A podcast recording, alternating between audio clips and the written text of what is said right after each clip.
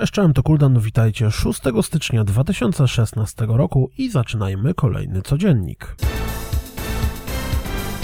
Pojawił się zwiastun gry Never Out, połączenia Cube i gry logicznej, w której zmieniając zasady grawitacji próbujemy wydostać się z usianych pułapkami pomieszczeń. Razem ze zwiastunem dowiedzieliśmy się, że druga część dodatku do Pillars of Eternity o podtytule The White Marsh pojawi się 16 lutego 2016 roku pojawiło się oficjalne wideo prezentujące rozgrywkę w EA Sports UFC 2.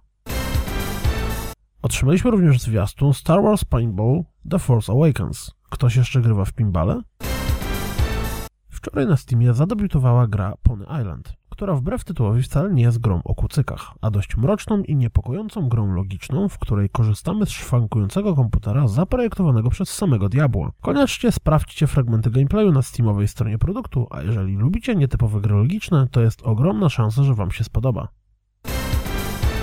Zgodnie z wcześniejszymi pogłoskami, Rise of the Tomb Raider wyląduje na PC 28 stycznia 2016 roku. Poznaliśmy również minimalne wymagania sprzętowe gry. Sony pochwaliło się, że sprzedano prawie 36 milionów sztuk PlayStation 4. W wywiadzie dla GamerTag Radio Aaron Greenberg potwierdził, że Cuphead, Inside i Below na pewno pojawią się w tym roku. Czas pokaże.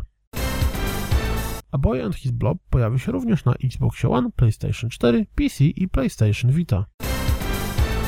W dniach 8-10 stycznia odbędzie się kolejna otwarta beta World of Tanks w wersji na PlayStation 4. Za udział dostaniemy dwa czołgi malowane w sposób związany z konsolami Sony.